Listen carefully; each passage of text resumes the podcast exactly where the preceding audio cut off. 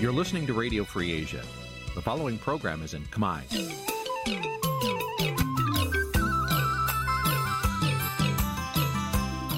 នេះជាកម្មវិធីផ្សាយ Vuthu Azizi Serai នេះជាកម្មវិធីផ្សាយរបស់ Vuthu Azizi Serai ជាភាសាខ្មែរ Vuthu Azizi Serai សូមស្វាគមន៍លោកអ្នកនាងទាំងអស់ពីរដ្ឋធានី Washington នៃសហរដ្ឋអាមេរិក។ បាទខ្ញុំបាទថាថៃសូមជម្រាបសួរលោកនាងដែលកំពុងតាមដានការផ្សាយផ្ទាល់របស់វិទ្យុអាស៊ីសេរីផ្សាយចេញពីទីក្រុង Melbourne ប្រទេសអូស្ត្រាលីបាទខ្ញុំបាទសូមជូនកម្មវិធីផ្សាយសម្រាប់យប់ថ្ងៃពុធ200ខែកដិកឆ្នាំថោះបញ្ញស័កពុទ្ធសករាជ2567ត្រូវនៅថ្ងៃទី29ខែវិច្ឆិកាគ្រិស្តសករាជ2023បាទជាដំបូងនេះសូមអញ្ជើញលោកនាងស្ដាប់ព័ត៌មានប្រចាំថ្ងៃដែលមានមេត្តាដូចតទៅ។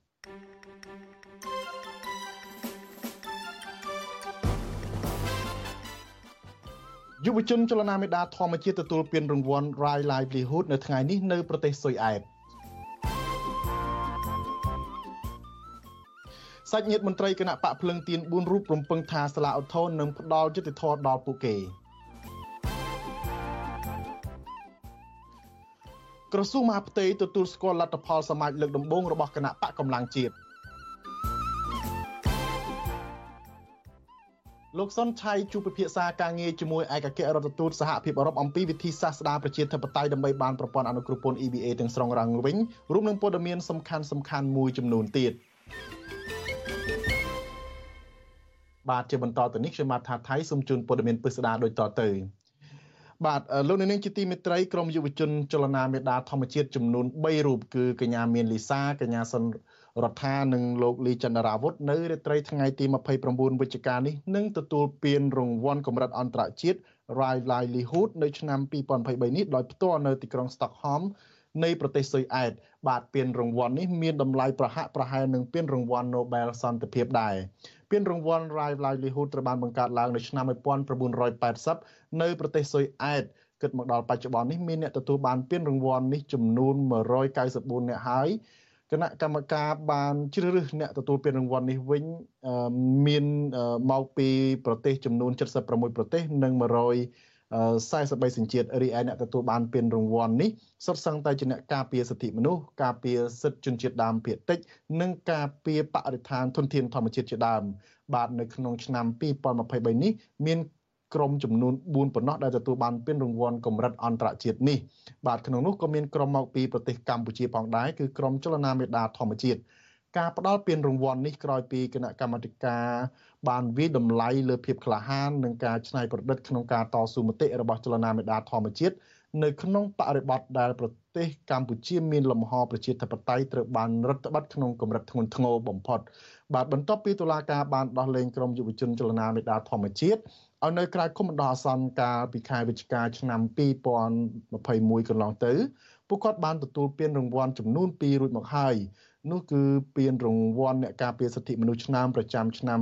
2021ពីបណ្ដាញអង្គការសង្គមស៊ីវិលក្នុងប្រទេសកម្ពុជាហើយពានរង្វាន់ទី2គឺជាពានរង្វាន់អ្នកការពារជួរមុខពីអង្គការ Frontline Defender ហើយពានរង្វាន់ទី3នេះគឺ ពានរង្វាន់ Right Livelihood ដែលពួកគេនឹងទទួលបាននៅរាត្រីថ្ងៃទី29វិច្ឆិកានេះបាទបាទហើយនៅក្នុងកម្មវិធីផ្សាយយើងនៅរាត្រីនេះយើងក៏នឹងមានបទសម្ភាសផ្ទាល់មួយជាមួយនឹងកញ្ញាមានលីសានៅ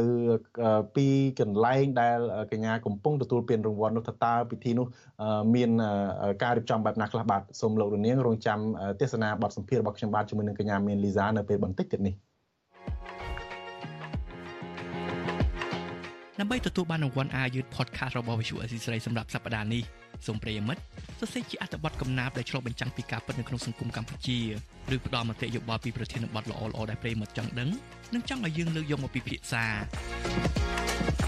សូមកុំភ្លេចបញ្ជាក់អាស័យដ្ឋានរបស់លោកអ្នកនាងរួចផ្ញើចម្លើយទៅកាន់អ៊ីមែលរបស់យើង contact@ofa.org នាដំណាក់កាលនេះដើម្បីរក្សាសុវត្ថិភាពយើងនឹងចែកជូនអាយុនេះដល់ប្រិយមិត្តដែលកំពុងរស់នៅក្រៅប្រទេសកម្ពុជាតែប៉ុណ្ណោះ។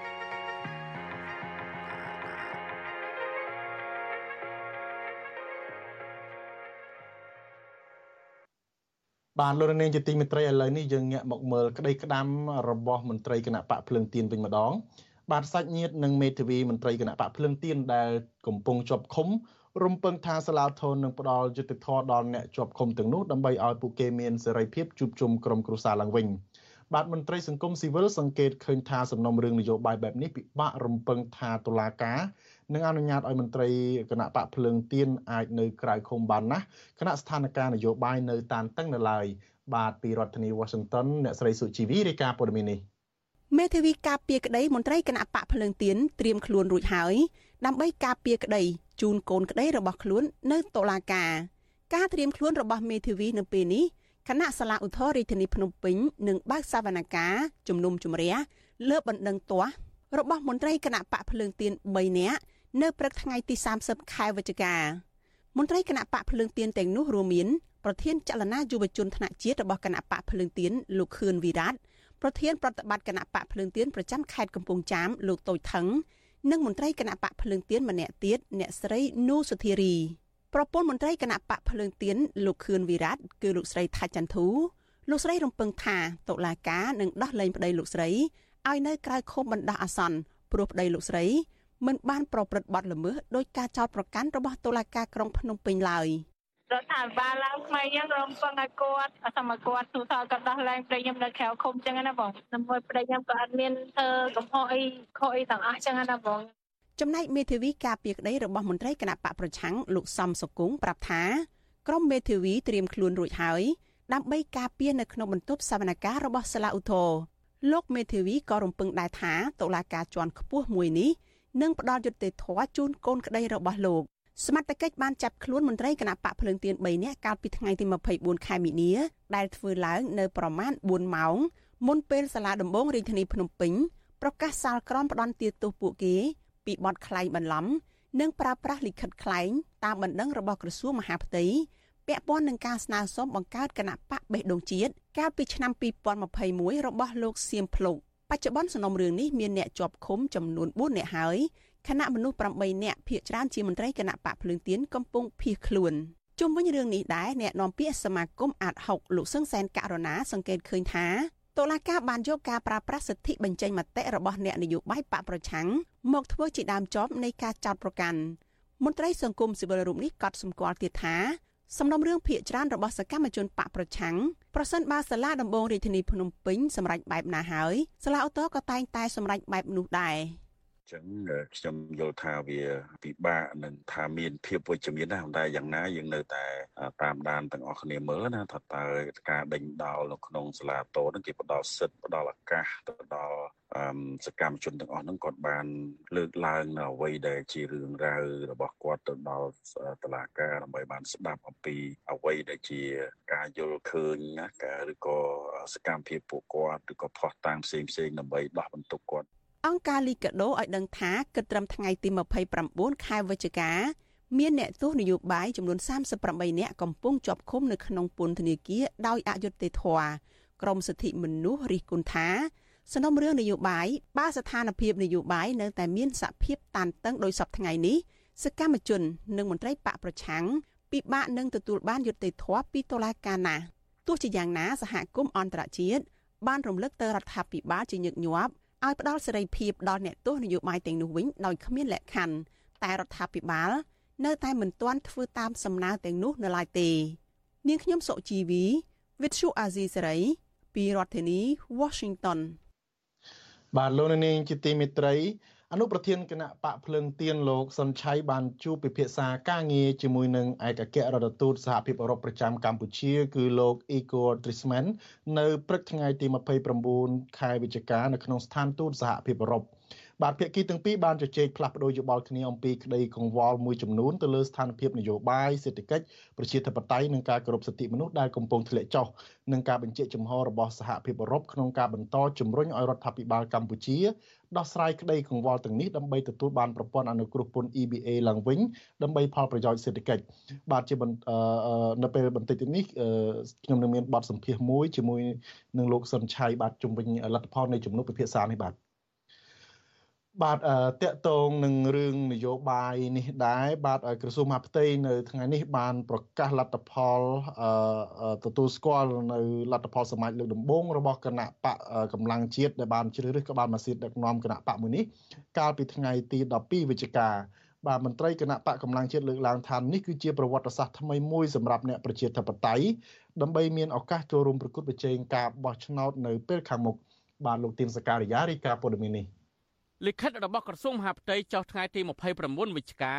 ប្រកាសទទួលស្គាល់លទ្ធផលសមាជលើកដំបូងរបស់គណៈបកកម្លាំងជាតិដែលបានជ្រើសរើសលោកសុនចន្ទធីជាប្រធានគណៈបកលោកជាមនីជាអនុប្រធានគណៈបកនិងជ្រើសតាំងសមាជិកគណៈកម្មាធិការនយោបាយចំនួន27រូបសមាជិកគណៈកម្មាធិការចិនត្រៃចំនួន7រូបសមាជិកគណៈកម្មាធិការប្រតិបត្តិចំនួន9រូបនិងសមាជិកគណៈកម្មាធិការវិន័យចំនួន5រូបបន្ថែមពីនេះ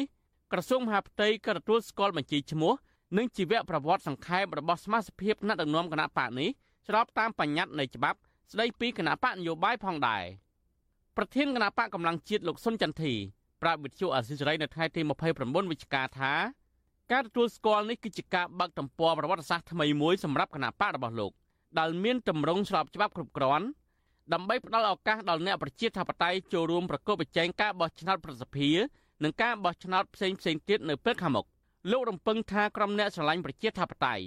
ដែលជាអង្គបោះឆ្នោតនឹងបោះឆ្នោតជូនគណៈបកកម្លាំងជាតិរបស់លោកនៅពេលខាងមុខ សម្រាប់គណៈបកកម្លាំងជាតិឲ្យតែរដ្ឋាភិបាលបើកលំហសិទ្ធិសេរីភាពសិទ្ធិនយោបាយឲ្យបានត្រឹមត្រូវដូចមានចែងនៅក្នុងច្បាប់អញ្ចឹងគណៈបកកម្លាំងជាតិគ្មានឧបសគ្គទេចាប់ពីពេលនេះរហូតតទៅមុខទៀតដូច្នេះសូមឲ្យអង្គបោះឆ្នោតគ្រប់រូបរបស់គណៈបកភ្លើងទៀនមេត្តាបោះឆ្នោតគ្រប់គ្រងគណៈបកកម្លាំងជាតិពីព្រោះគណៈបកកម្លាំងជាតិគឺរក្សាជំហរដើមស្មារតីដើមឆន្ទៈដើមតស៊ូដើម្បីការពារសិទ្ធិសេរីភាពប្រជាពលរដ្ឋការពារផលប្រយោជន៍ប្រទេសជាតិនិងដើម្បីស្ដារដំណើរការលទ្ធិប្រជាធិបតេយ្យឡើងវិញបាទអ្នកនាំពាក្យគណៈបកកណ្ដាលអំណាចលោកសុកអេសានឲ្យដឹងថាក្រសួងមហាផ្ទៃទទួលស្គាល់លទ្ធផលសមាជរបស់គណៈបកណាមួយគឺជារឿងធម្មតាហើយលោកថាគណៈបកប្រជាជនកម្ពុជារបស់លោក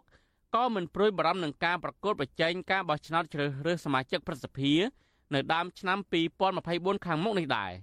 អញ្ចឹងអង្គបោះឆ្នោតរបស់គាត់នឹងវាថមថយអញ្ចឹងទេការសង្ឃឹមរបស់គាត់នឹងវាគ្រាន់តែជាវោហារសាស្ត្រ នយោបាយដើម្បីកម្លាចិត្តតែប៉ុណ្ណោះទេក៏ប៉ុន្តែអារឿងដែលមានព្រៀបខាងនយោបាយមកលើគណៈបព្វជិជនវាអត់ផ្លូវទេជុំវិញនឹងបញ្ហានេះអ្នកជំនាញផ្នែកវិទ្យាសាស្ត្រនយោបាយលោកអែមសវណ្ណរាយល់ឃើញថា ការបង្កើតគណៈបកកម្លាំងជាតិធ្វើឲ្យបែកខ្ញាច់សម្លេងអ្នកប្រជាធិបតេយ្យដែលពិបាកក្នុងការប្រកួតប្រជែងយកឈ្នះគណៈបកកណ្ដាលអំណាចប៉ុន្តែបើសិនបើគណៈបកភ្លើងទៀននឹងប្រឹងប្រែងឬក៏រួមគ្នាតស៊ូដើម្បីសុំ យកនៅភាពស្របច្បាប់លិខិតបញ្ជាក់ពីក្រសួងមហាផ្ទៃតាមគេហៅថាបញ្ជាក់ពីការបង្កើតគណៈបកហ្នឹងបញ្ជាក់លិខិតនឹងឡើងវិញទៅគឺជាកិច្ចការមួយល្អបំផុតជាជាងការទៅរកបកថ្មីបាទគណៈបកកម្លាំងជាតិបានធ្វើសមាជលើកដំបូងកាលពីថ្ងៃទី12វិច្ឆិកានៅភូមិក្រចាប់ក្រុងស្ទឹងសែនខេត្តកំពង់ធំដោយមានអ្នកចូលរួមប្រមាណជាង1500នាក់ហើយភ្នាក់ច្រើនជាសមាជិកក្រុមប្រឹក្សាឃុំសង្កាត់របស់គណៈបកភ្លើងទៀន អង្គសមាជគណៈបកមួយនេះបានអនុម័តលក្ខន្តិកៈរបស់គណៈបកចំនួន10ចម្ពោះចែកជា57មេត្រានិងបានបោះឆ្នោតជ្រើសតាំងក្បាលម៉ាស៊ីនដឹកនាំគណៈបកអង្គសមាជក៏បានជ្រើសគណៈកម្មការនយោបាយរបស់គណៈបកគណៈកម្មការអចិន្ត្រៃយ៍គណៈកម្មការប្រតិបត្តិនិងគណៈកម្មការវិន័យបន្ថែមពីនេះអង្គសមាជក៏បានកំណត់ទិសដៅការងារឆ្ពោះទៅចូលរួមបោះឆ្នោតប្រសិទ្ធភាព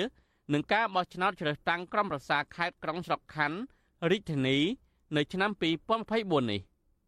គណៈបកកម្លាំងជាតិត្រូវបានបង្កើតឡើងដោយអតីតមន្ត្រីជាន់ខ្ពស់គណៈបកភ្លើងទៀនបន្ទាប់ពីកោជបបានរារាំងមិនឲ្យគណៈបកភ្លើងទៀនចូលរួមការបោះឆ្នោតកាលពីខែកក្កដាឆ្នាំ2023ទោះជាយ៉ាងណាមន្ត្រីជាន់ខ្ពស់គណៈបកភ្លើងទៀនមួយចំនួនក៏ងាកទៅចង់សម្ព័ន្ធភាពជាមួយគណៈបកក្រៅរដ្ឋាភិបាលចំនួន3ទៀតដែរ។ហើយមន្ត្រីជាន់ខ្ពស់គណៈបកភ្លើងទៀនមួយចំនួនទៀតបានចេញពីគណៈបកភ្លើងទៀន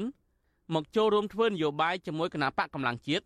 ដែលជាគណៈបកទើបតែបង្កើតថ្មីនេះអ្នកជំនាញវិទ្យាសាស្ត្រនយោបាយលើកឡើងថាដើម្បីប្រកួតប្រជែងជាមួយគណៈបកកណ្ដាលអំណាចបានលុះត្រាតែក្រុមអ្នកនយោបាយតម្កល់ផលប្រយោជន៍ជាតិជាធំដែលចូលលើគោលការណ៍ប្រជាធិបតេយ្យទើបអាចតាក់ទាញអ្នកគាំទ្រពីមហាជនបានខ្ញុំបាទទីនសាការីយ៉ាអស៊ីសេរីពីរដ្ឋធានី Washington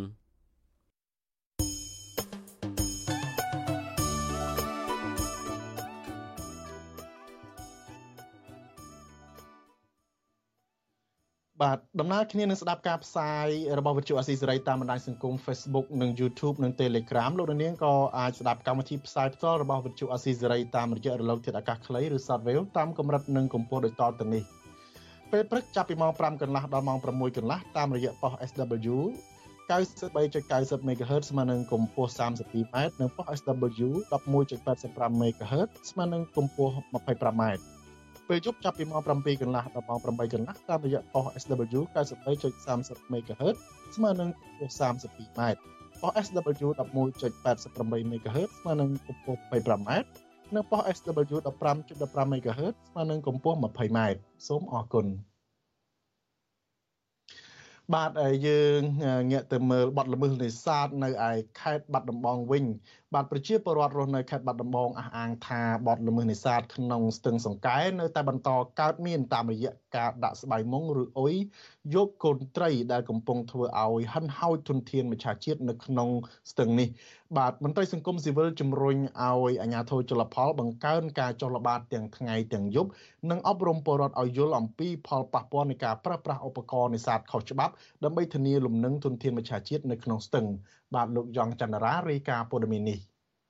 ខណៈដែលអាកាសធាតុចុះត្រជាក់ធ្លាក់ខ្យល់រំហើយទឹកស្ទឹងស្រកបន្តិចគេសង្កេតឃើញថាការនេសាទនៅក្នុងស្ទឹងសង្កែហាក់មានភាពមមាញឹកជាពិសេសនៅត្រង់ទំនប់ស្ទាក់ទឹកសាឡាតាអននៅក្នុងនោះ ក៏មានការប្រើប្រាស់ឧបករណ៍នេសាទខុសច្បាប់បែបអនាធបត័យផងដែរប្រជាពលរដ្ឋរស់នៅក្នុងឃុំសំរោងក្នុងស្រុកឯកភ្នំលោកខឹមសុភ័ណ្ឌប្រាប់វិទ្យុអាស៊ីសេរីនៅថ្ងៃទី29វិច្ឆិកាថាលោកសង្កេតឃើញអ្នកនេសាទមួយចំនួនកំពុងងាកមកប្រើប្រាស់ស្បៃមុងឬហៅថាអ៊ុយដើម្បីដាក់យកត្រីតូចធំជាច្រើនទីតាំងខណៈឧបករណ៍នេសាទខុសច្បាប់ប្រភេទនេះធ្វើឲ្យប៉ះពាល់យ៉ាងខ្លាំងដល់ពពួកកូនត្រី និងប្រភេទត្រីកម្រ លោកបន្តថាទោះបីជាមានបទល្មើសនេសាទប្រភេទនេះច្រើនក្តីក៏អាជ្ញាធរជលផលចុះទៅបង្ក្រាបតែនៅពេលថ្ងៃខណៈអ្នកនេសាទច្រើននាំគ្នាលើកស្បៃអុយយកទៅចាប់ត្រីនៅពេលយប់លមុនខ្ញុំសួរដែរសួរអមជលផលម្នាក់គាត់ថាបើសិនមិនឲ្យគាត់រត្រូវច្បាប់ខ្លះខុសច្បាប់ខ្លះនឹងដាច់ច្រកឆ្នាំងហើយជាពិសេសអ្នកមកពីណោពីព្រៃចាស់ព្រៃអីមករនៅខាងលើដែរតាអញ្ចឹងព្រៃចាស់ឥឡូវអត់មាន ត្រីមានអីទេហើយចេះសរុបបើកកណូតបើកអីមករតាមផ្លូវរ៉ែរ៉ែរហូតបានយកត្រីយកលក់អីខាងលើដែរយើងនិយាយអញ្ចឹងណាប្រជាពលរដ្ឋនៅតាមដងស្ទឹងសង្កែអះអាងថាអ្នកនេសាទដែលមករកត្រីនៅស្ទឹងសង្កែភ ieck ច្រើនមិនមែនជាប្រជាពលរដ្ឋនៅក្នុងមូលដ្ឋានទេពលគឺពួកគេមកពីតំបន់និងស្រុកផ្សេងផ្សេងគ្នាពលរដ្ឋម្នាក់ទៀតនៅភូមិព្រែកនរិនលោកស្រីសុនសុភ័ណ្ឌឲ្យដឹងថាពលរដ្ឋដែលនេសាទនៅតាមដងស្ទឹងសង្កែបានប្រើប្រាស់ស្បៃមុងឬអួនក្រឡាញឹកនេះចាប់តាំងពីដើមខែវិច្ឆិកាមកម្លេះដោយត្រីដែលពួកគេនេសាទបាននោះសុទ្ធសឹងតែជាប្រភេទកូនត្រីល្អិតល្អិតដែលលើកចេញពីស្ទឹងនៅក្នុងមួយកន្លែងមិនតិចជាង500គីឡូក្រាមនោះឡើយលោកស្រីរៀបរាប់ទៀតថាការបើកឲ្យប្រើប្រាស់ឧបករណ៍នេសាទខុសច្បាប់សម្រាប់នេសាទកូនត្រីបែបនេះនឹងបណ្ដាលឲ្យផលនេសាទនៅរដូវប្រាំងធ្លាក់ចុះខ្លាំងហើយទិន្នផលត្រីកាន់តែធ្លាក់ចុះនៅឆ្នាំបន្ទាប់ទៀតប៉ុណ្ណាក៏យកដែរវាធំវាមិនតាន់ទេអ្នករោ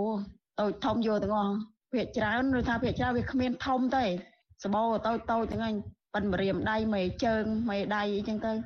ការប្រើប្រាស់ឧបករណ៍នេសាទប្រភេទស្បៃមុងឬស្បៃអុយទាំងនេះគឺជាការបង្កហានិភ័យធ្ងន់ធ្ងរដល់ធនធានមច្ឆជាតិនៅក្នុងទឹកពីព្រោះវាបានតាក់យកកូនត្រីទាំងតូចទាំងធំដែលរារាំងទៅដល់ការធំធាត់និងការបន្តពូជរបស់ត្រីវិទ្យុអាស៊ីសេរីមិនទាន់អាចតាក់ទងនាយខណ្ឌរដ្ឋបាលជលផលបាត់ដំបងលោកជួងសុភា និងអភិបាលស្រុកឯកភ្នំលោកមិលសុផល ដើម្បីសុំការបកស្រាយជុំវិញរឿងនេះបាននៅឡើយទេ នៅថ្ងៃទី29វិច្ឆិកាតែកតិនទៅនឹងរឿងនេះអ្នកសម្របសម្រួលកម្មវិធីផ្នែកខ្លំមើលការរំលោភសិទ្ធិមនុស្សនៃអង្គការលីកាដូប្រចាំខេត្តបាត់ដំបងលោកអិនកុងចិត្តមានប្រសាសន៍ថាមន្ត្រីជលផលគួរតែដាក់កម្លាំងចោះត្រួតពិនិត្យបទល្មើសនេសាទនេះនៅពេលយប់បន្ថែមទៀតជាមួយគ្នានេះលោកស្នើឲ្យអាជ្ញាធរមូលដ្ឋានចុះអប់រំប្រជានេសាទអំពីផលប៉ះពាល់ ទៅលើការប្រើប្រាស់ឧបករណ៍នេសាទខុសច្បាប់ និងបទបញ្ញត្តិទៅលើការផាកពិន័យចំពោះអ្នកដែលប្រព្រឹត្តខុសការដែលយើងនាំគ្នាចូលរួមបង្ការទប់ស្កាត់ហ្នឹងវាបានធ្វើឲ្យទិន្នផលត្រីវាមានស្ថិរភាពយូរអង្វែងទៅសម្រាប់តែប្រជានេសាទគ្នាគាត់នឹងឯងហើយបើពួកគាត់មិនគិតគូរទៅលើបញ្ហាអស់ហ្នឹងវានាំឲ្យបាត់បង់ផលនេសាទធ្ងន់ធ្ងរហើយអញ្ចឹងវានាំឲ្យផលចំណូលធ្លាក់ចុះហើយធ្វើឲ្យពួកគាត់ធ្វើចំណាក់ស្រុកទៀតហើយ កាលពីថ្ងៃទី20ខែវិច្ឆិកាកងកម្លាំងនគរបាលបានចុះទៅបង្ក្រាបបទល្មើសនេសាទនៅក្នុងភូមិសាស្ត្រស្រុកឯកភ្នំខេត្តបាត់ដំបងនៅចំណុចបឹងតាអ៊ូស្ថិតនៅក្នុងភូមិកំពង់ប្រហុកឃុំកោះជីវាំងស្រុកឯកភ្នំដោយបានកាប់បំផ្លាញនិងដុតចោលសាច់មងប្រវែងជាង500ម៉ែត្របង្គោលចំនួនជាង100ដើមលុកចំនួន2គ្រឿងនិងលែងកូនត្រីចម្រុះចូលធម្មជាតិវិញចំនួន70គីឡូក្រាមទោះជាបែបនេះក្តីការចោះបង្ក្រាបបទល្មើសនេសាទនេះ ហាក់ទទួលបានលទ្ធផលតិចតួចប៉ុណ្ណោះបើប្រៀបធៀបជាមួយនឹងចំនួនករណីបទល្មើសនេសាទដែលមានពាសពេញស្ទឹងរហូតទៅដល់តំបន់បឹងទន្លេសាបមន្ត្រីសង្គមស៊ីវិលនិងប្រជាពលរដ្ឋដែលរស់នៅតាមបណ្ដោយស្ទឹងសង្កែអំពាវនាវឲ្យអាជ្ញាធរជលផល និងប្រជានេសាទខ្លួនឯងផ្ទាល់ចូលរួមទប់ស្កាត់និងមិនត្រូវប្រើប្រាស់ឧបករណ៍នេសាទខុសច្បាប់ដើម្បីធានាទៅលើស្ថិរភាពត្រីនៅក្នុងស្ទឹងដែលជាការគិតគូរប្រយោជន៍យូរអង្វែងជាជាងប្រយោជន៍មួយពេល ធ្វើឲ្យហិនហោចធនធានធម្មជាតិនៅក្នុងស្ទឹងសង្កែរហូតទៅខ្ញុំយ៉ងច័ន្ទដារាវិទ្យុអាស៊ីសេរី Washington បាទលោកនាងជាទីមេត្រីអនុប្រធានគណៈបកភ្លឹងទៀនលោកសុនឆៃបានជួបពិភាក្សាការងារជាមួយនឹងឯកអគ្គរដ្ឋទូតសហភាពអឺរ៉ុបប្រចាំនៅកម្ពុជាគឺលោក Igor Trisman នៅព្រឹកថ្ងៃទី29វិច្ឆិកានៅក្នុងស្ថានទូតសហភាពអឺរ៉ុបបាទភាគីទាំងពីរបានជជែកផ្លាស់ប្តូរយោបល់គ្នាអំពីក្តីកង្វល់ ទៅលើស្ថានភាពនយោបាយសេដ្ឋកិច្ចប្រជាធិបតេយ្យនិងស្ថានភាពនៃការគោរពសិទ្ធិមនុស្សដែលកំពុងធ្លាក់ចុះនិងការបញ្ជាក់ជំហររបស់សហភាពអឺរ៉ុបនៅក្នុងការបន្តជំរុញឲ្យរដ្ឋាភិបាលកម្ពុជាដោះស្រាយក្តីកង្វល់ទាំងនេះដើម្បីទទួលបាននៅប្រព័ន្ធអនុគ្រោះពន្ធ EBA ដើម្បីជាប្រយោជន៍សេដ្ឋកិច្ចសម្រាប់ប្រទេសកម្ពុជាបាទជាបន្តទៅទៀតនេះសូមអញ្ជើញលោកនាងស្ដាប់បទសម្ភាសន៍របស់ខ្ញុំបាទជាមួយនឹងលោកសុនឆៃអំពីលទ្ធផលនៃជំនុំនេះដូចតទៅ សូមជម្រាបសួរអាដាមសុនឆៃបាទបាទជម្រាបសួរថាថៃវិទ្យុអាស៊ីសេរីបាទព្រឹកមិញនេះអាដាមបានទៅជួបជាមួយនឹងស្ថានទូតសហភាពអឺរ៉ុបតើនៅក្នុងជំនុំនោះមានការជជែកពីអ្វីខ្លះទៅអាដាមបាទអរយើងដឹងហើយថាប្រហែលថ្ងៃកន្លងទៅនេះសហគមន៍អឺរ៉ុបបានធ្វើរបាយការណ៍ទូទៅមួយពាក់ព័ន្ធទៅនឹងស្ថានភាពប្រទេស3ក្នុងការទទួលបានផលប្រយោជន៍ពីការជួយតាមរយៈ EBA របស់សហគមន៍អឺរ៉ុប ដែលក្នុងនោះមានប្រទេសបង់ក្លាដេសប្រទេសភូមាហើយនិងប្រទេសកម្ពុជានយោបាយការបានបង្ហាញអំពីផលប្រយោជន៍នៅសហគមន៍អឺរ៉ុបនេះគឺបានទៅភាគីបង់ក្លាដេសនឹងស្ទើរតែ70%ភាគីប្រទេសភូមានិងកម្ពុជានឹងបានទទួលបានត្រឹមតែ1.1%តិចតួចដែលគេ យល់ថាវាជាការងារមួយដែលកម្ពុជាអាចនឹងមានលទ្ធភាពទទួលបានផលច្រើនជាងនេះបើសិនណាជាប្រទេសកម្ពុជានឹងកែលម្អបញ្ហាសំខាន់សំខាន់3ទី1គឺពាក់ព័ន្ធនឹងសេរីភាពនៃអ្នកនយោបាយក្រៅរដ្ឋាភិបាលទី2ពាក់ព័ន្ធទៅនឹងស្ថានភាពពលរដ្ឋស្ថានភាពកម្មករកម្មការិនីសេរីភាពនិងភាពគ្រប់គ្រងស្របតាមគោលការណ៍នៃអង្គការ ILO ហើយនៅទី3គឺបញ្ហាដីធ្លីដែលប៉ះពាល់ទៅដល់ជីវិតរស់នៅរបស់ពលរដ្ឋទៅតាជ្រៃក្រចំណុចធំ3នៅតែជាបញ្ហាសំខាន់ហើយក្រោយពីមានតំណាងដែលជាស្ថានទូតអគ្គរដ្ឋទូត EU ថ្មីនេះស្ថានទូតក៏មានបំណងចង់ជួបគណៈបកក្រៅរដ្ឋាភិបាលដែរហើយយើងដឹងហើយនៅក្នុងប្រទេសកម្ពុជាយើងគណៈបកដែលទទួលស្គាល់ក្នុងអន្តរជាតិ ទាំងពីសំណាក់ប្រជាពលរដ្ឋគឺគណៈបកភ្លើងទៀននេះឯងខ្ញុំយើងទៅជួបដើម្បីសម្ដែងសម្ដាផងបាទដើម្បីទទួលព័ត៌មានពីសហគមន៍អឺរ៉ុបផងអំពីសកម្មភាពទៅមុខទៀតដែលគេនឹងធ្វើដើម្បីជួយស្ដារនៅលទ្ធិប្រជាធិបតេយ្យនិងការគោរពសិទ្ធិមនុស្សនេះបាទបាទអាដាមក្រៅពីការលើកឡើងនៅរបាយការណ៍ដែលសហភាពអឺរ៉ុបទើបតែចេញផ្សាយកាលពីដើមសប្តាហ៍មុននេះពាក់ព័ន្ធទៅនឹងការជំរុញឲ្យរដ្ឋាភិបាល ស្ដារប្រជាធិបតេយ្យនិងការគោរពសិទ្ធិមនុស្សឲ្យជាក់ស្ដែងនឹងដើម្បីទទួលបាននៅប្រព័ន្ធអនុគ្រោះពន្ធ EBA ឡើងវិញនឹងថាតើខាងសហភាពអឺរ៉ុបមានលើកឡើងអ្វីបន្ថែមទៀតហើយខាងអាដាមលើកឡើងពីអ្វីបន្ថែមទៀតទេបាទហើយយើងពិគ្រោះគ្នាបាទជាទូទៅទេដែលសហគមន៍អឺរ៉ុបរកការសម្រេចចិត្តរបស់គេគឺទីតាំងតែពិគ្រោះយោបល់ពីភាគីសំខាន់សំខាន់របស់ប្រទេសទទួលផលប្រយោជន៍ទាំងអស់ ដែលខ្ញុំជឿជាក់ថាក្រោយពីមានការជជែកពីគ្រោះយោបល់ជាមួយរូបខ្ញុំដែលជាតំណាងឲ្យគណៈបកក្រៅរដ្ឋាភិបាលគិតថា EU នឹងប្រកួតជាមួយផ្នែកសង្គមស៊ីវិលថែមទៀតហើយក៏គេបានប្រាប់ដែរថាក៏មានការរៀបចំដើម្បីបានជួបនាយករដ្ឋមន្ត្រីថ្មីដើម្បីធ្វើការពិគ្រោះបញ្ហាសង្គមកម្ពុជានឹងជាមួយនឹងរដ្ឋាភិបាលដែរហើយគេបានប្រាប់ដែរថានៅក្នុងស្ថានភាពសេដ្ឋកិច្ចកម្ពុជាមានបញ្ហាធ្ងន់ធ្ងរ វាប្រាប់អំពីបញ្ហានៅក្នុងវិស័យធំ3គឺសំខាន់វិស័យការងារគឺថាវិស័យការងារនេះគឺមានបញ្ហាដោយសារអ្នកវិនិយោគទុននឹងកន្លងទៅនេះអត់ឃើញមានអ្នកវិនិយោគទុនថ្មីមកកម្ពុជាមកដាក់ទូតនៅកម្ពុជាទេមានតែការបិទរោងចក្រទេអានេះធ្វើឲ្យមានការបាត់បង់ការងារហើយទី2គេសង្កេតឃើញដែរថាបញ្ហាដែលពាក់ព័ន្ធទៅនឹង បញ្ហាសេដ្ឋកិច្ចជាពិសេសការរកចំណូលតាមរយៈវិស័យទេសចរហ្នឹងក៏ឃើញមានការមិនមានការលូតលាស់ដើម្បីនឹងទប់ទល់ជាមួយនឹងបញ្ហាសេដ្ឋកិច្ចនិងបញ្ហាផ្សេងផ្សេងទៀតក្នុងនោះក៏គេបានជម្រាបដែរថាក្រុមហ៊ុនសមាគមក្រុមហ៊ុនសហគមន៍អឺរ៉ុបដែលមានវត្តមាននៅក្នុងតំបន់នៅក្នុងប្រទេសកម្ពុជានេះក៏បាន ធ្វើជាបញ្ជីណែនាំទៅរដ្ឋាភិបាលដែរដើម្បីឲ្យយកទៅពិនិត្យដើម្បីធ្វើម៉េចបង្កលក្ខណៈឲ្យមានការងាយស្រួលដល់ការធ្វើវិនិយោគនៅនៅកម្ពុជានេះហើយយើងក៏បានពិគ្រោះដែរខាងសហគមន៍អឺរ៉ុបក៏បានបញ្ជាក់ដែរថាបានធ្វើការងារជួយទៅដល់គណៈបកក្រៅរដ្ឋាភិបាលនោះតវ៉ាដើម្បីឲ្យគណៈបកភ្លើងទៀនបានចូលរួមបោះឆ្នោតរដ្ឋសភាកាលពីខែកក្កដាកន្លងទៅនោះយ៉ាងខ្លាំងក្លាដែរ ក៏ប៉ុន្តែមិនទទួលបានជោគជ័យហើយគេជឿជាក់ថាគេនឹងបន្តការងារនេះតទៅទៀតរកឱកាសដើម្បីនឹងជំរុញឲ្យរដ្ឋាភិបាលនេះយល់អំពីសារៈសំខាន់សម្រាប់សំខាន់និងផលប្រយោជន៍ក្នុងការបើកឲ្យបានទូលាយនៅបរិយាកាសនយោបាយនៅកម្ពុជាធ្វើយ៉ាងម៉េចឲ្យគណៈបកលើកទៀននេះមិនទទួលរងនៅបញ្ហាដែលកំពុងមាននេះហើយបើកឲ្យគណៈបកនេះមានសិទ្ធិក្នុងការចូលរួមការបោះឆ្នោត បាទអាដាមតើសហភាពអឺរ៉ុបមានបង្ហើបអំពីវិធានការអ្វីផ្សេងទៀតទេដើម្បីជំរុញឬក៏ដាក់សម្ពាធឲ្យរដ្ឋាភិបាលកម្ពុជានឹងស្ដារប្រជាធិបតេយ្យនិងការគោរពសិទ្ធិមនុស្សឡើងវិញបាទសហគមន៍អឺរ៉ុបមិនមិនបញ្ជាក់អីឲ្យទៅទៅក៏ប៉ុន្តែគេសង្ឃឹមសង្ឃឹមថាដោយសារស្ថានភាពសេដ្ឋកិច្ចកម្ពុជានឹងមានភាពកាន់តែធ្ងន់ធ្ងរទៅហើយវានឹងជំរុញឲ្យរដ្ឋាភិបាលគ្មានជំរឿក្រៅពីសហការជាមួយនឹងប្រទេស លោកខាងលិចដែលអាចនឹងជួយស្ដារឬក៏ជួយទប់ទល់ដល់បញ្ហាលំបាកផ្នែកសេដ្ឋកិច្ចនៅកម្ពុជាបានដូច្នេះបានគេចាប់ផ្ដើមពីការផ្ដល់នៅបញ្ជី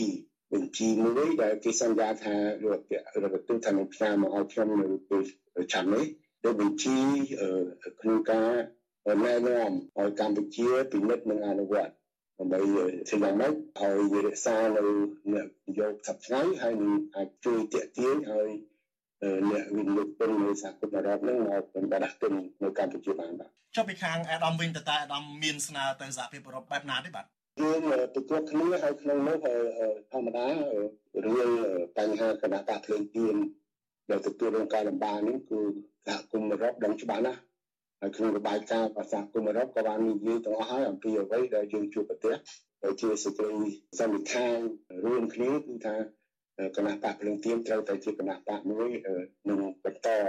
ការងារនយោបាយរបស់ខ្លួនវែងឆ្ងាយទៅមុខទៀតហើយសិទ្ធិទាំងឡាយដែលគណៈបកភ្លើងទៀនត្រូវមានដូចជាការចូលរួមបោះឆ្នោតព្រឹទ្ធសភាក្រុមប្រឹក្សាវិជាខេត្តនេះត្រូវតែរដ្ឋាភិបាលនិងគណៈបកកណ្ដាលអំណាចនេះគឺថាត្រូវតែ បើកចំហឲ្យគណៈបកភ្លើងទៀននេះបានចូលរួមដូច្នេះគឺថាក្នុងន័យនេះស្ថានទូតសហរដ្ឋនឹងរកឱកាសដើម្បីនឹងធ្វើការជំរុញលើការធានានៅសកម្មភាពនិងសេរីភាពនិងតម្លៃការងាររបស់គណៈបកភ្លើងទៀននេះទៅគណៈបកកណ្ដាលអំណាចបាទ សហភាពអឺរ៉ុបនឹងបានដាក់ចេញវិធានការទាមទារឲ្យរដ្ឋាភិបាលនឹងដោះស្រាយបញ្ហាប្រជាធិបតេយ្យជាពិសេសតាមរយៈសេចក្តីថ្លែងការណ៍កាលពីដើមសប្តាហ៍មុននឹងសហភាពអឺរ៉ុបក៏ប្រមានថាស្ថានភាពសេដ្ឋកិច្ចរបស់ប្រទេសកម្ពុជានឹងកាន់តែមានវិបត្តិធ្ងន់ធ្ងរដែរក្នុងពេលបច្ចុប្បន្ននឹងប៉ុន្តែយ៉ាងណាក៏ដោយអាដាមពលរដ្ឋខ្មែរយើងនេះយើងមើលទៅធ្វើត្បិតតែគាត់ជួបការលំបាកមែនមានវិបត្តិសេដ្ឋកិច្ចមិនមានលទ្ធភាពសងបំណុលធនាគារអីក៏ដោយចោះក៏ប៉ុន្តែពលរដ្ឋខ្មែរយើងហាក់មានទម្លាប់មួយមិនទៀមទាទេ រស់តាមរបៀបអញ្ចឹងទៅបាទចំណែកពីគីរដ្ឋាភិបាលវិញក៏មិនសូវជាយកចិត្តទុកដាក់មិនមិនមានទម្លាប់មួយគិតគូរដោះស្រាយបញ្ហាប្រជាពលរដ្ឋនឹងដែរបាទហើយបើទោះបីជាសហភាពអឺរ៉ុបឬក៏សហគមន៍អន្តរជាតិផ្សេងផ្សេងនឹងតែងតែជំរុញតែងតែទៀមទាឲ្យមានការកែលម្អស្ថានភាពប្រជាធិបតេយ្យនិងការគោរពសិទ្ធិមនុស្សក៏ដោយប៉ុន្តែមកដល់ពេលនេះយើងឃើញស្ថានភាពនយោបាយនៅតែដដែល มันមានការវិវត្តទៅរកភាពល្អប្រសើរនោះទេតែអាដាមគិតថាដំណាក់កាលចុងក្រោយនេះរដ្ឋាភិបាលនឹងអាចស្ដាប់អនុសាសន៍របស់សហភាពអឺរ៉ុបអីនឹងដែរទេបាទអាដាមខ្ញុំថាវាជាការវិវត្តនៅក្នុងសង្គមកម្ពុជាដែលវិវត្តអំពីស្ថានភាពមួយដែលមានការវិវត្តសេដ្ឋកិច្ចពលរដ្ឋអាចរកកម្រៃប្រសើរក្នុងការគ្រប់គ្រងដល់ជីវិតរស់នៅ ទៅក្នុងនឹងស្ថានភាពមួយជារបបដែលពលរដ្ឋបាត់បង់សេចក្តីសង្ឃឹមហើយនឹងការទូទ្រង់ជីវភាពនៅក្នុងរបបនយោបាយពលរដ្ឋតែងអត់ធ្មត់មិនមានប្រតិកម្មអ្វីខ្លាំងក្លាដោយខ្លួនមានជំរឿនយោបាយកាលណាអ្នកដឹកនាំគណៈបកមួយមិនបានផ្ដល់នៅផលជីវិតជំនាញដល់ជីវិតរស់នៅនិងសុខសុវត្ថិភាពដល់ពលរដ្ឋ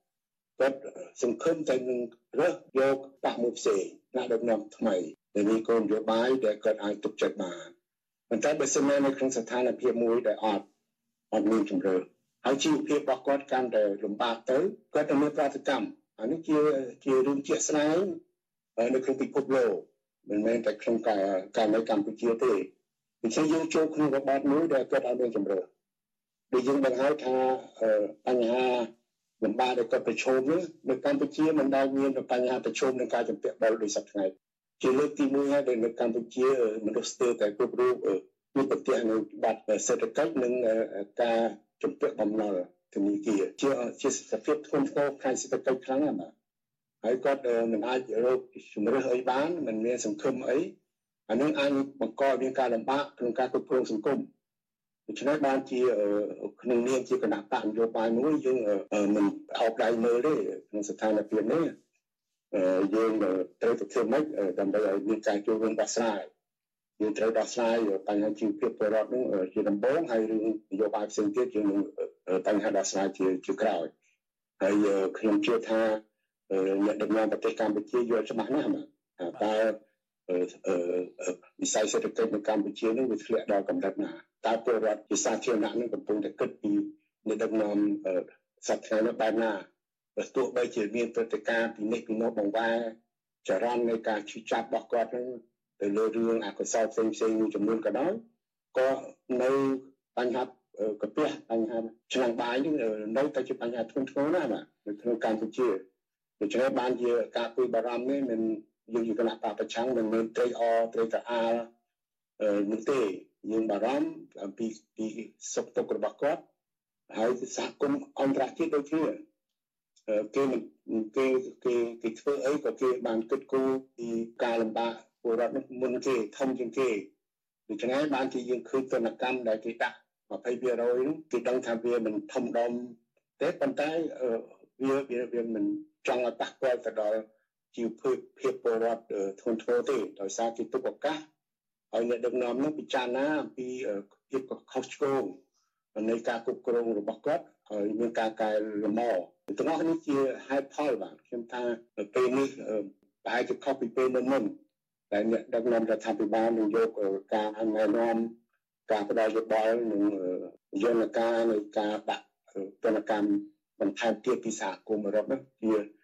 មូលដ្ឋានដែលត្រូវទៅយកចិត្តទុកដាក់បាទអា ដាមអមរឿងបញ្ហាប្រជាធិបតេយ្យសិទ្ធិមនុស្សហ្នឹងបើដោះស្រាយហ្នឹងបានប្រយោជន៍ច្រើនណាស់ពីសហភាពអឺរ៉ុបហ្នឹងអាដាមមើលឃើញថាហេតុអីបានជារដ្ឋាភិបាលថ្មីនេះនៅតែប្រកាន់ជំហរបង្ងើយកន្តើយចំពោះការដោះស្រាយបញ្ហាទុកដណ្ដើមហ្នឹងមូលហេតុអីដែរអាដាមបាទបរិបត្តិនេះយើងឃើញហើយប្រទេសកម្ពុជាទោះបីជាយើងមានកិច្ចព្រមព្រៀងទីក្រុងប៉ារីសគ្រប់ភាគីបានសន្យាថាអនុវត្តលទ្ធិប្រជាធិបតេយ្យសេរីពហុបកហើយមាននីតិរដ្ឋ មានការគោរពច្បាប់គោរពសិទ្ធិមនុស្សអីហោហែដែលមានការទទួលស្គាល់ជាអន្តរជាតិយ៉ាងណាក៏ដោយក៏បុគ្គលជាអ្នកដឹកនាំមិនទាន់ទទួលស្គាល់តម្លៃនៃលទ្ធិប្រជាធិបតេយ្យនៅឡើយទេប្រហែលជាគាត់បារម្ភអំពីផលប្រយោជន៍ដែលគាត់មានកន្លងទៅ ដែលគាត់ខ្លាចបាត់បង់នៅផលប្រយោជន៍ផ្ទាល់ខ្លួនអានេះទៅតាមដែលយើងសង្កេតឃើញជាទូទៅទេមិនមែនតែកម្ពុជាទេមាន បញ្ហានៅក្នុងប្រទេសជិតៗយើងនេះមួយចំនួនក៏ដូចគ្នាដែរនៅពេលដែលគាត់មានទ្រព្យសម្បត្តិច្រើនមានហឺហាគាត់មិនចង់បាត់បង់ផលប្រយោជន៍ទ្រព្យសម្បត្តិដូច្នេះដូចក្នុងន័យដែរដែលយើងជាគណៈបព្វប្រឆាំងនោះក៏ត្រូវធ្វើយ៉ាងម៉េចកុំឲ្យគាត់បារម្ភពេកពីរឿងការបាត់បង់អំណាចនិងទ្រព្យសម្បត្តិគាត់ដោយយើងចេះតែជំរុញឲ្យមានការពង្រឹងនៅស្ថាប័នជាតិនឹងឲ្យឲ្យទាំងអស់គ្នាគ្រប់ គ្រងដោយច្បាប់ទាំងអស់គ្នាហើយស្ថាប័នគឺបម្រើសេវាជូនទាំងអស់គ្នាមិនថាបកប្រឆាំងមិនថាបកកណ្ដាលអំណាចពីព្រោះយើងឃើញច្រើនករណីក្នុងពិភពលោកហើយការគ្រប់គ្រងអំណាចតាមរបៀបផ្ដាច់ការដោយអំណាចជាសង្កត់គឺមិនអាចរស់បានយូរទេ ហើយអ្នកដែលបានផលបានលុយកាក់ច្រើនក៏ភាគច្រើនឬក៏មិនដឹងវាសាលុយកាក់របៀបមិនដែរទេទោះបីយកទៅទុកនៅធនាគារអន្តរជាតិនោះក៏ក្រោយមកក៏គេអាចរឹបអូសយកមកវិញដែរដូច្នេះយើងត្រូវសម្រួលគ្នាយល់គ្នាក្នុងការរៀបចំសង្គមយើងវិញដោយថាយើងធ្វើយ៉ាងម៉េចឲ្យមានការពង្រឹងស្ថាប័នឲ្យបានល្អ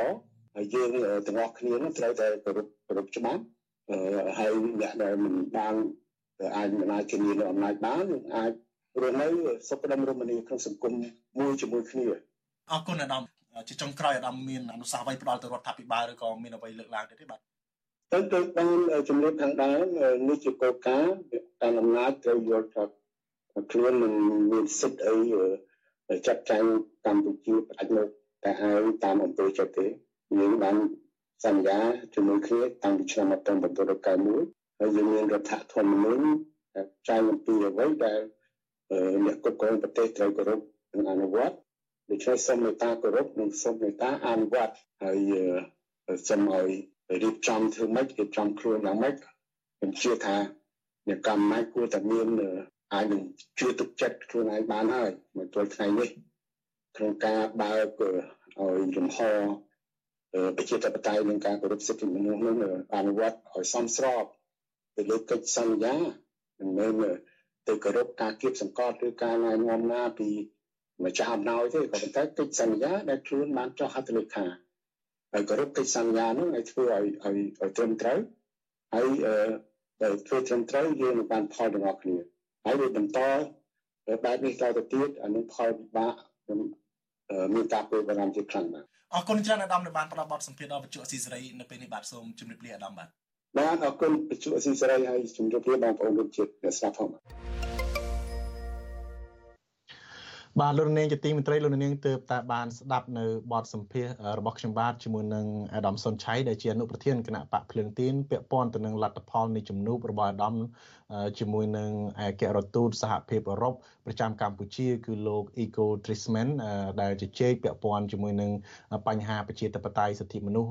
ស្ថានភាពនយោបាយនិងសេដ្ឋកិច្ចជាដើមហើយក៏មានការលើកឡើងតាក់ទងទៅនឹងការជំរុញរដ្ឋាភិបាលកម្ពុជានឹងស្ដារប្រជាធិបតេយ្យដើម្បីបាននៅប្រព័ន្ធអនុគ្រោះពន្ធ EBA ឡើងវិញដើម្បីផលប្រយោជន៍ធំធេងសម្រាប់សេដ្ឋកិច្ចរបស់ប្រទេសកម្ពុជាយើងបាទបាទលោកនាងជាទីមេត្រីយើងងាកមកមើលអឺស្ថានភាពដែលក្រុមតាមដាននឹងរិះគន់រដ្ឋាភិបាលពាក់ព័ន្ធជាមួយនឹងការមិនសូវយកចិត្តទុកដាក់ចំពោះក្រម កីឡាករទូកងឲ្យបានប្រាក់ប្រហែលនឹងកីឡាករបរទេសបាទអ្នកតាមដានបញ្ហាសង្គមនិងមន្ត្រីគណៈបកប្រឆាំងរិះគន់រដ្ឋាភិបាលថាมันបានគិតគូរផ្ដល់កន្លែងស្នាក់នៅនិងអាហារហូបចុកសម្រាប់ក្រុមកីឡាករទូកងឲ្យបានប្រហាក់ប្រហែលនឹងក្រុមកីឡាករបរទេសដែលមកចូលរួមប្រកួតកីឡាស៊ីហ្គេមកាលពីពេលកន្លងទៅពួកគេចង់ឲ្យរដ្ឋាភិបាលផ្ដល់តម្លៃដល់ក្រុមកីឡាករទូកងឲ្យដូចក្រុមកីឡាករបរទេសដើម្បីបង្ហាញពីការគិតគូរដល់ពលរដ្ឋខ្លួនឯងជាធំ បាទលោកសេបណ្ឌិតរាយការណ៍ព័ត៌មាននេះអ្នកតាមដានបញ្ហាសង្គមនិងមន្ត្រីគណៈបកប្រឆាំងរិះគន់ថារដ្ឋាភិបាល អាចគិតគូរដល់កីឡាករបរទេសឲ្យស្នាក់នៅស្រួលបួល និងហូបចុកឆ្ងាញ់បានប៉ុន្តែបែរជាមិនអាចផ្ដល់ការគិតគូរដូចគ្នា ដល់ក្រុមកីឡាករទូកងដែលជាអ្នកលើកស្ទួយវប្បធម៌ប្រពៃណីជាតិរបស់ខ្លួន ដើម្បីឲ្យពួកគេមានទឹកចិត្តមកចូលរួមប្រណាំងទូកងនៅឆ្នាំក្រោយៗទៀត អតីតតំណាងរាជគណៈបកសង្គ្រោះជាតិលោកអ៊ុំសំអាន ប្រាប់បទសុអសីស្រី នៅថ្ងៃទី29វិច្ឆិកាថា ការមិនរៀបចំឲ្យកីឡាករទូកងមានអាហារហូបចុកគ្រប់គ្រាន់ និងកន្លែងស្នាក់នៅត្រឹមត្រូវប្រកបដោយផាសុកភាពអនាម័យនិងសេចក្តីថ្លៃថ្នូរដោយកីឡាករបរទេសគឺមានន័យថារដ្ឋាភិបាលមិនបានផ្ដល់តម្លៃដល់ពិធីបុណ្យអុំទូកដែលជាពិធីបុណ្យប្រពៃណីជាតិនោះទេ ហើយថែមទាំងមិនបានគិតគូរជួយទៅដល់ពលរដ្ឋខ្លួនឯងជាធំនោះដែរតែឆ្នាំនេះធ្វើមិនបានហើយឆ្នាំក្រោយយើងគួរតែកែលម្អចំណុចហ្នឹងទៅយើងគិតគូរទៅដល់កីឡាករបរទេសឬអីយើងមិនគិតគូរទៅដល់កីឡាករទូកងរបស់ខ្មែរដែលជួយលើកស្ទួយវប្បធម៌ប្រពៃណីខ្មែរដែលមកចូលរួមបនបំទូកដែលជាប្រពៃណីរបស់ខ្មែរនោះយើងគួរតែលើកតម្កើងកីឡាករខ្មែរយើងផងដែរដើម្បីឲ្យគាត់មានទឹកចិត្ត មន្ត្រីគណៈបកប្រឆាំងរូបនេះបន្តថាមូលហេតុដែលលោកហ៊ុនសែនអតីតនាយករដ្ឋមន្ត្រីហ៊ានយកលុយរាប់លានដុល្លារទៅចំណាយលើថ្លៃធ្វើដំណើរស្នាក់នៅ និងហូបចុកជំនួសក្រុមកីឡាករបរទេសមកប្រកួតស៊ីហ្គេម កាលពីខែកក្កដាកន្លងទៅ ដែលមានកាតព្វកិច្ចត្រូវចំណាយដោយខ្លួនឯងនោះ ដោយសារលោកហ៊ុនសែនចង់ទិញទឹកចិត្តបដដាមេដឹកនាំបរទេសនៅអាស៊ានឲ្យជួយទទួលស្គាល់ការបោះឆ្នោតបង្ក្រប់កិច្ច ដែលលោកបានរៀបចំឡើង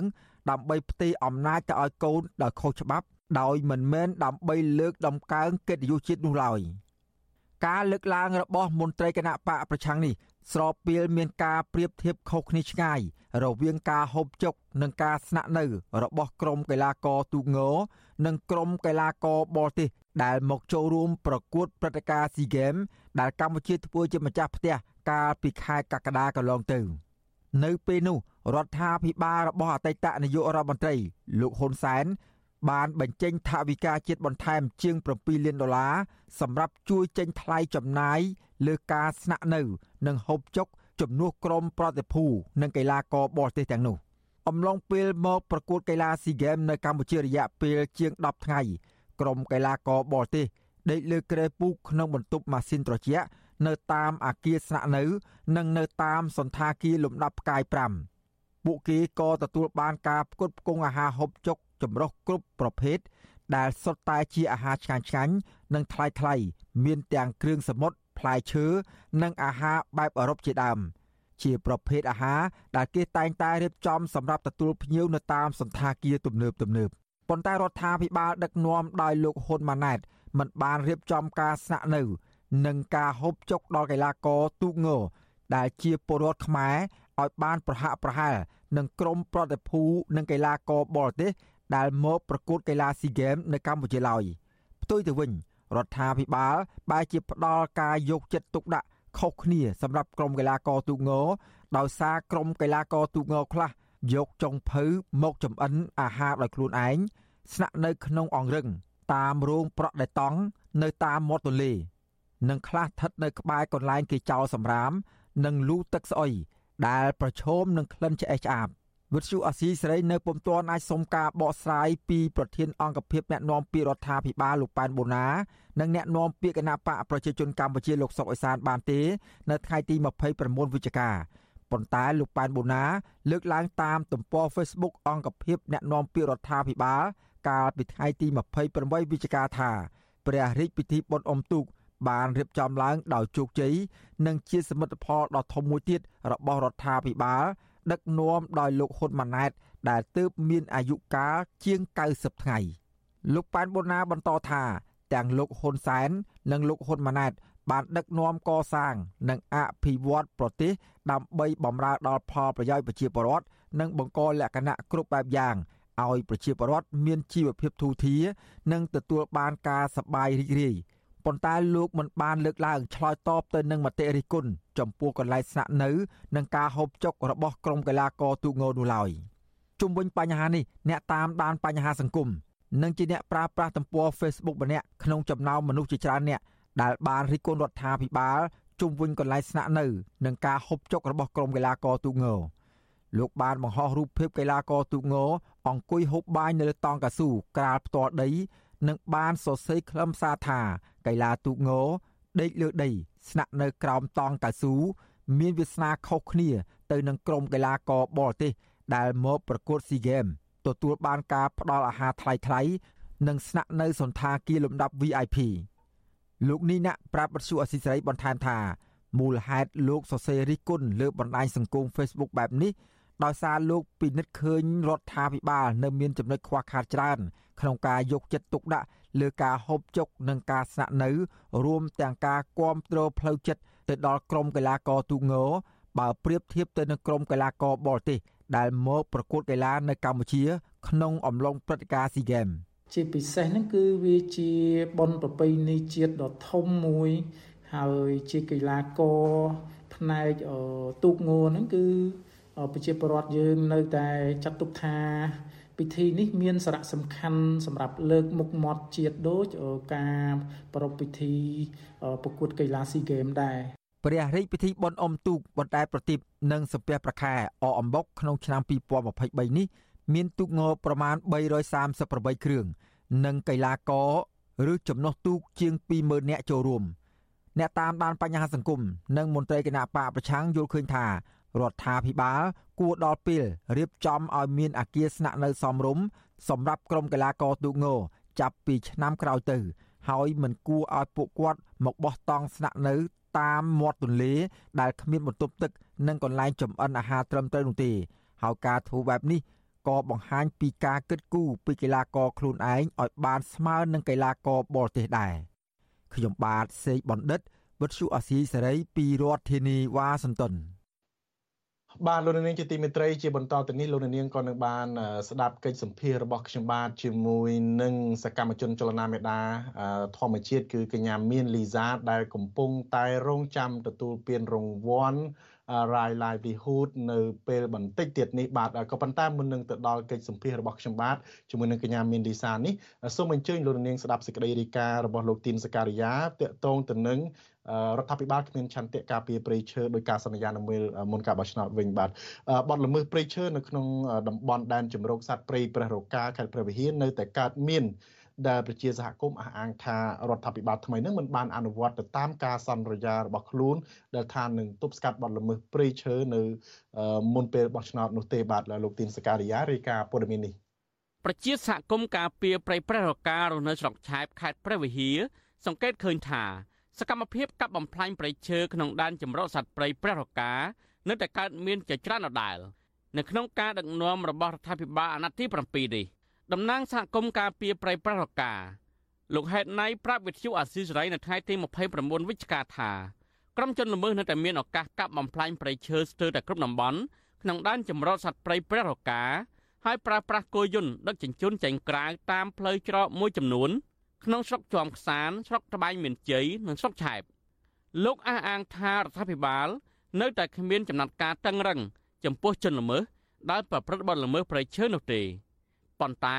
បែរជាបន្តរឹតបន្តឹងជាមួយប្រជាសហគមន៍ដោយតម្រូវឲ្យសុំច្បាប់អនុញ្ញាតជាមុនសិនទើបមានសិទ្ធិចុះល្បាតព្រៃទៅវិញ។ សំណូមពរឲ្យដល់រដ្ឋាភិបាលសូមឲ្យក៏គុំមកតាមដានឬក៏រៃគៀសសង្កត់ចូលចិត្តរបស់សហគមន៍ណាសូមឲ្យបើកពិសេសភាពអយហើយក៏ឲ្យលោកជួយកំសឹងការងារប្រៃឈើនឹងឲ្យបានរឹងមាំហើយកុំមកបន្ធូររលុងចឹងហើយវាគួរណាស់សម្លឹងមើលដំណាដែលពុករលួយយកលុយយកកាពីបាត់ល្មើសដល់សម័យលោកក៏បានជួយយ៉ាងឲ្យខាងរដ្ឋាភិបាលលោកជួយប្រជាពលរដ្ឋគេចរការពារប្រៃឈើសម្រាប់គូចៅ នៅចន្លោះថ្ងៃទី26ដល់ថ្ងៃទី28វិច្ឆិកាប្រជាសហគមន៍ការពារព្រៃព្រះរការស់នៅក្នុងឃុំទឹកក្រហមស្រុកជាំខ្សាន ជាង20នាក់បានលបឆ្មក់ចុះល្បាតព្រៃរួមគ្នា ដើម្បីពិនិត្យពីស្ថានភាពព្រៃឈើនិងបទល្មើសព្រៃឈើក្នុងដែនចម្រុះអភិរក្សនេះការចុះល្បាតនេះក្នុងពេលរដ្ឋាភិបាលកំពុងតែមមាញឹក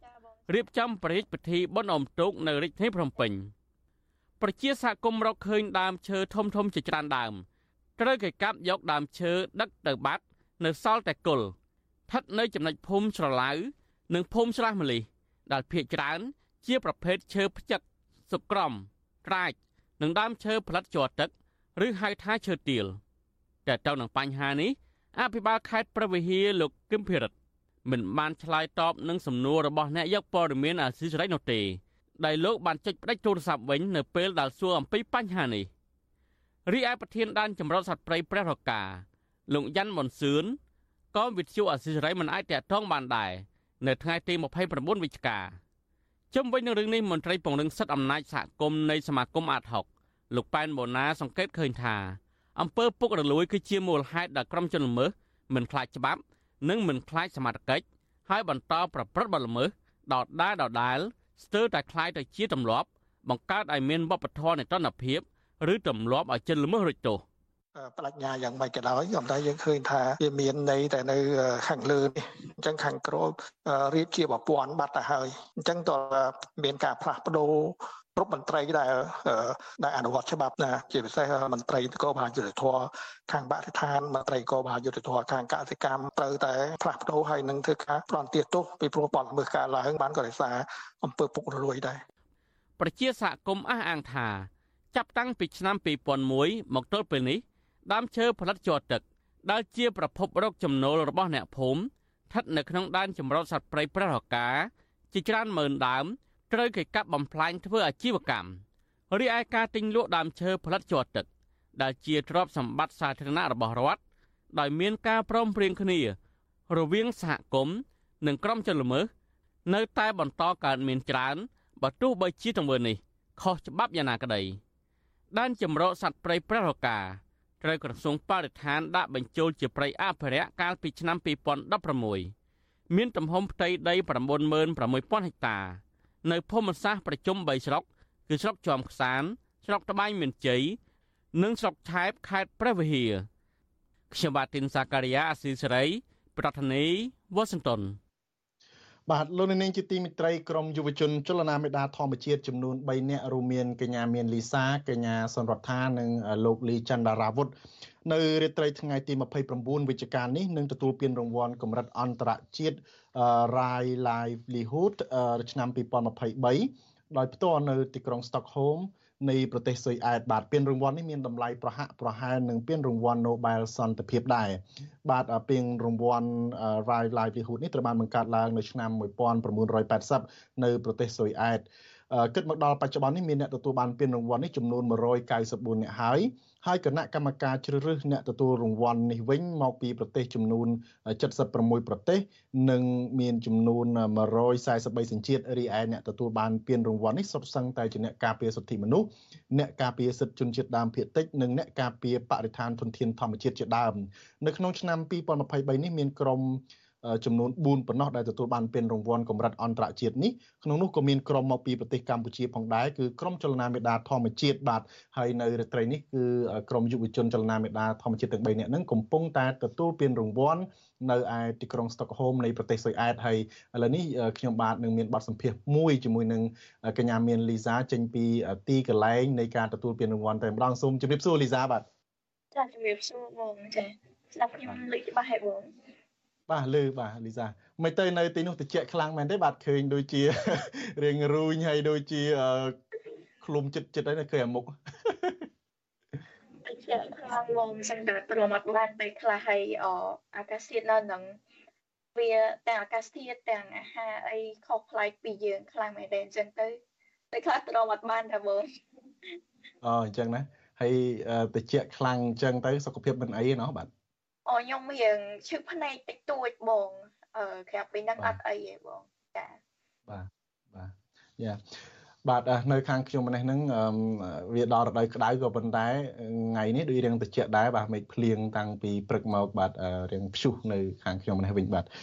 អឺណែលីសាហើយមិនទៅថ្ងៃនេះជារត្រីពិសេសមួយដែលនឹងទទួលបានពានរង្វាន់កម្រិតអន្តរជាតិផងតើបានត្រៀមខ្លួនអីយ៉ាងណាហើយបាទចាយើងក៏ប៉ិតមុននឹងទៅ នៅពេលល្ងាចហ្នឹងដែលយើងនឹងទៅទៅទទួលពានហ្នឹងគឺយើងបានមានការប្រជុំពីពីព្រឹកហើយនឹងពេលថ្ងៃតបនឹងប្រជុំហើយហើយឥឡូវយើងមកសម្រាប់បន្តិចនិងបន្តិចទៀតរៀបចំខ្លួនដើម្បីទៅកម្មវិធីតែម្ដងបងចា៎បាទបាទអឺទៅទទួលពានរង្វាន់ហ្នឹងកម្មវិធីហ្នឹងគេរៀបចំយ៉ាងម៉េចដែរលីសាអាចរៀបរាប់បន្តិចបានទេបាទរៀបចំអ្នកចាបងអ្នកចូលរួមហើយហ្នឹងអាចខ្ទង់ អឺប្រហែលជា600អ្នកដែលនឹងទៅចូលរួមដែលជាភៀវដែលជាអ្នកពាក់ព័ន្ធជាសកម្មជន ជាអ្នកគ្រប់គ្រងទៅលើអង្គការ Rai Livelihood ដែលជាអ្នកជំនួយដល់អង្គការ Rai Livelihood ហើយនឹងអ្នកពាក់ព័ន្ធផ្សេងផ្សេងទៀតដែលជាភៀវដែលគាត់ចាប់អារម្មណ៍លើកិច្ចការរបស់អ្នកការពារសិទ្ធិមនុស្សអ្នកការពារបរិស្ថានដូចជាពួកយើងគាត់ទៅចូលរួមដែលពួកគាត់ចោះឈ្មោះចូលរួមតាមរយៈការអញ្ជើញរបស់ Rai Livelihood នឹងដែរបងចា៎ បាទបាទហើយនៅក្នុងពិធីហ្នឹងលីសានឹងមានអីថ្លែងទេអឺហើយឬក៏ក្រុមអ្នកផ្សេងទៀតដែលទៅទទួលហ្នឹងនឹងថ្លែងសារអីដែរទេអ្នកដែលមន្ត្រីឬក៏សកម្មជនអីផ្សេងទៀតហ្នឹងនឹងមានការលើកឡើងពីរឿងអីផ្សេងទៀតទេឬក៏គាត់ណាទទួលពានរង្វាន់អីទេបាទឬក៏មិនដែរ ចាអឺការទៅទទួលពានហ្នឹងយើងមានរយៈពេល5នាទីក្នុងអឺរបស់ក្រុមចលនាមេដាធម្មជាតិនៅលើឆាកហ្នឹងគឺយើងមានមានពេល5នាទីដែលយើងនឹងថ្លែងសន្ទរកថាអំពីការងាររបស់ពួកយើងហើយនឹងយើងនឹងមានសារផ្សេងផ្សេងទៅកាន់អឺប្រជាពលរដ្ឋក៏ដូចជាពិភពលោកទាំងមូលអំពីការងាររបស់ពួកយើងដែរបងចា៎បាទហើយលីសានឹងក្រុមសកម្មជនបដិឋានរបស់លីសានឹងនឹងលើកឡើងពីបញ្ហាអ្វីដែរបាទ អាចប្រាប់មុនបានទេយើងនឹងចាអឺតកតងជាមួយសាររបស់យើងគឺយើងនឹងមិនមានអីច្រើនដោយសារយើងមានពេលវេលាកំណត់ក៏ប៉ុន្តែយើងចង់និយាយពីការងារដែលយើងកំពុងតែធ្វើបច្ចុប្បន្នអីដែលយើងកំពុងតែផ្ដោតធ្វើហើយអីដែលយើងនឹងតស៊ូធ្វើបន្តទៀតហើយយើងនឹងចង់ប្រាប់ទៅកាន់អ្នកនៅក្នុងបន្ទប់600អ្នកនឹងដោយសារតែយើងមានធ្វើការ live និងជាសារទៅដល់មនុស្សជាតិទាំងប្រជាពលរដ្ឋខ្មែរហើយនឹង ទូមិនអ្នកគ្រប់គ្រងយើងទូទាំងពិភពលោកឲ្យបានដឹងអំពីការងាររបស់ពួកយើងតទៅមុខទៀតថាចលនាមេដាធម្មជាតិនឹងនៅទីនេះហើយធ្វើការដើម្បីកិច្ចការបរិស្ថានតទៅមុខទៀតបងចា៎បាទបាទអឺហ្នឹងហើយអរគុណលីសាយើងឃើញថាអ្នកទៅចូលរួមពិធីហ្នឹងច្រើនដែរ600អ្នកហ្នឹងគឺច្រើនហើយដូចជាមានការស្វាគមន៍ហ្នឹងកក់ក្ដៅណាពីអ្នក ភាគីពាក់ព័ន្ធនឹងបាទអ្នកមុខអ្នកការអីផងបាទអឺលីសាមិញថាមុននឹងទៅចូលរួមពិធីហ្នឹងគឺថារវល់ចូលរួមកិច្ចប្រជុំដែរមានកិច្ចប្រជុំអីខ្លះឲ្យប្រហែលថ្ងៃមួយរយៈហ្នឹងមានអឺបានធ្វើអ្វីខ្លះដែរមួយរយៈនេះឃើញដូចធ្វើដំណើរច្រើនណាស់ទៅជួបសហគមន៍ខ្មែរនៅក្រៅប្រទេសនឹងផងហើយ ជួបជាមួយនឹងអ្នកមុខអ្នកការអីតំណាងរដ្ឋាភិបាលអីសមាជិកសភានិងតំណាងអង្គការនឹងច្រើនណាស់បាទមានការស្វាគមន៍កក់ក្ដៅមែនទែនគណៈដែលរដ្ឋាភិបាលកម្ពុជានឹងថាជារឿងដែលមិនចាំបាច់ទៅវិញការដែលទៅទទួលពានរង្វាន់នឹងក៏ប៉ុន្តែជាក់ស្ដែងឃើញមានការយកចិត្តទុកដាក់មានការស្វាគមន៍មែនទែនតើមួយរយៈនេះមានបានធ្វើអីហើយមុននេះបន្តិចហ្នឹងតើមានការប្រជុំសំខាន់អ្វីខ្លះទៅបាទចាយើងមកកាន់ទីនេះរយៈពេលជិត1ខែហើយ អឺយើងមកដំបូងគឺយើងបានឈ្វាឈានជើងជាន់នៅប្រទេសអាល្លឺម៉ង់ដែលនៅប្រទេសអាល្លឺម៉ង់យើងបានជួបជាមួយអង្គការអន្តរជាតិអ្នកពាក់អ្នកពាក់ព័ន្ធក្នុងការងារយើងសកម្មជនបរិស្ថាននៅប្រទេសអាល្លឺម៉ង់ហើយក៏ដូចជាយើងបានប្រជុំជាមួយនឹងសភាអាល្លឺម៉ង់ផងដែរក្នុងការនិយាយបញ្ចេញពីបញ្ហារបស់យើងនិងតម្រូវការរបស់យើងក្នុងនាមជាសកម្មជនជួរមុខហើយសម្លេងរបស់យើង ទៅកាន់សភាអាឡម៉ង់គឺមិនមែនជាសម្លេងតែដើម្បីចលនាមេដាធម្មជាតិនោះទេតែសម្លេងទៅដល់សហគមន៍មូលដ្ឋានសម្លេងទៅដល់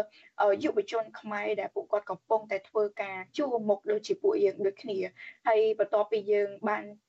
មានការប្រជុំនៅប្រទេសអាឡម៉ង់យើងបានបន្តធ្វើដំណើរទៅប្រទេសស្វីស ដែលប្រទេសស្វីសហ្នឹងគឺយើងបាននៅប្រទេសស្វីសមានអង្គការអន្តរជាតិជាច្រើនដែលគេធ្វើការទៅលើកិច្ចការបរិស្ថានកិច្ចការសិទ្ធិមនុស្សអញ្ចឹងយើងមានពេលទៅបានជួបជាមួយនឹងអឺតកតងជាមួយនឹងខាង UN ដែលគាត់ជាអ្នក expert ពីខាង UN អ្នកដែលជំនាញពីខាង UN ទៅលើកិច្ចការងារបរិស្ថានហ្នឹងគឺយើងបានទៅជួបជាមួយពួកគាត់ហើយនឹងវាច្រើនយើងជួបជាមួយនឹងអង្គការអន្តរជាតិដែលគាត់ ធ្លាប់មានបទពិសោធន៍ក្នុងការជួយទៅគ្រប់គ្រងទៅដល់សង្គមស៊ីវិលខ្មែរហើយពួកយើងក៏ចង់ប្រាប់ពីសម្លេងពីតម្រូវការរបស់ពួកយើងក្នុងនាមជាសកម្មជនជួរមុខថាពួកយើង ត្រូវការនៅការជួយគ្រប់គ្រងទាំងអស់នឹងទៅដល់ពួកយើងដោយផ្ទាល់នឹងជាមួយនឹងអ្នកដែលធ្វើការជួមុខផ្សេងទៀតដោយផ្ទាល់ស្ដាប់ពីសម្លេងនឹងថាតើអង្គការអន្តរជាតិទាំងអស់នឹងអាចជួយឲ្យមកកាន់ពួកយើងបានក្នុងនាមជាអង្គការអន្តរជាតិដែលធ្វើការនៅប្រទេសកម្ពុជាដែរអញ្ចឹងណាបងហ្នឹងហើយហើយបន្ទាប់ពីប្រទេសស្វីសក៏យើងបានបន្តទៅអឺប្រទេសបារាំងប្រទេសបារាំងគឺ យើងបានទៅជួបបងប្អូនប្រជាពលរដ្ឋខ្មែរអមខ្ញុំអាចនិយាយបានថាយាយតាដែលសារតែពួកគាត់ចាស់ចាស់ដែលអឺពួកគាត់មានធ្លាប់មានការជួយគ្រប់គ្រងទៅដល់សកម្មជនរបស់ពួកយើងសកម្មជនសង្គមនៅប្រទេសកម្ពុជាហើយ ពួកគាត់មានការបាក់ទឹកចិត្តជាច្រើនអញ្ចឹងយើងសង្ឃឹមថាវត្តមានពួកយើងទៅទីនោះដែលបានទៅជួបប្រជុំមួយពួកគាត់នឹងបានផ្ដល់ក្តីសង្ឃឹមទៅដល់យាយតាអ៊ំពូមីងឲ្យមានក្តីសង្ឃឹមឡើងវិញហើយនៅពេលណាដែលពួកគាត់មានក្តីសង្ឃឹមពួកគាត់នឹងព្យាយាមជួយមកដល់ពួកយើងមិនថាទាំងយកបល់មិនថាទាំងការគ្រប់គ្រងជាថវិកាដល់ពួកយើងសូមឲ្យគាត់បន្តមានក្តីសង្ឃឹម បាទលោកនាងជាទីមេត្រីខ្ញុំបាទសូមខន្តីអភ័យទោសដោយសារតែមានបញ្ហាបច្ចេកទេសដែលធ្វើឲ្យកម្មវិធីផ្សាយរបស់យើងនៅពេលបន្តិចមិញនេះគឺថាមានភាពរអាក់រអួលហើយដាច់ទៅយ៉ាងណាក៏ដោយកម្មវិធីផ្សាយរបស់យើងបានមកដល់ទីបញ្ចប់ហើយបាទខ្ញុំបាទសូមអរគុណលោកនាងដែលបានតាមដានកម្មវិធីផ្សាយរបស់យើងរយៈពេល1ម៉ោងមកដល់ទីបញ្ចប់នេះបាទខ្ញុំបាទនឹង ក្រុមការងារសូមជូនពរដល់លោកអ្នកនាងឲ្យជួបប្រកបទៅនឹងសេចក្តីសុខចម្រើនរុងរឿងកុំបីឃ្លៀងឃ្លាតឡើយបាទខ្ញុំបាទថាថៃនិងក្រុមការងារទាំងអស់នៃវិទ្យុអាស៊ីសេរីសូមអរគុណនិងសូមជម្រាបលារាត្រីសួស្តី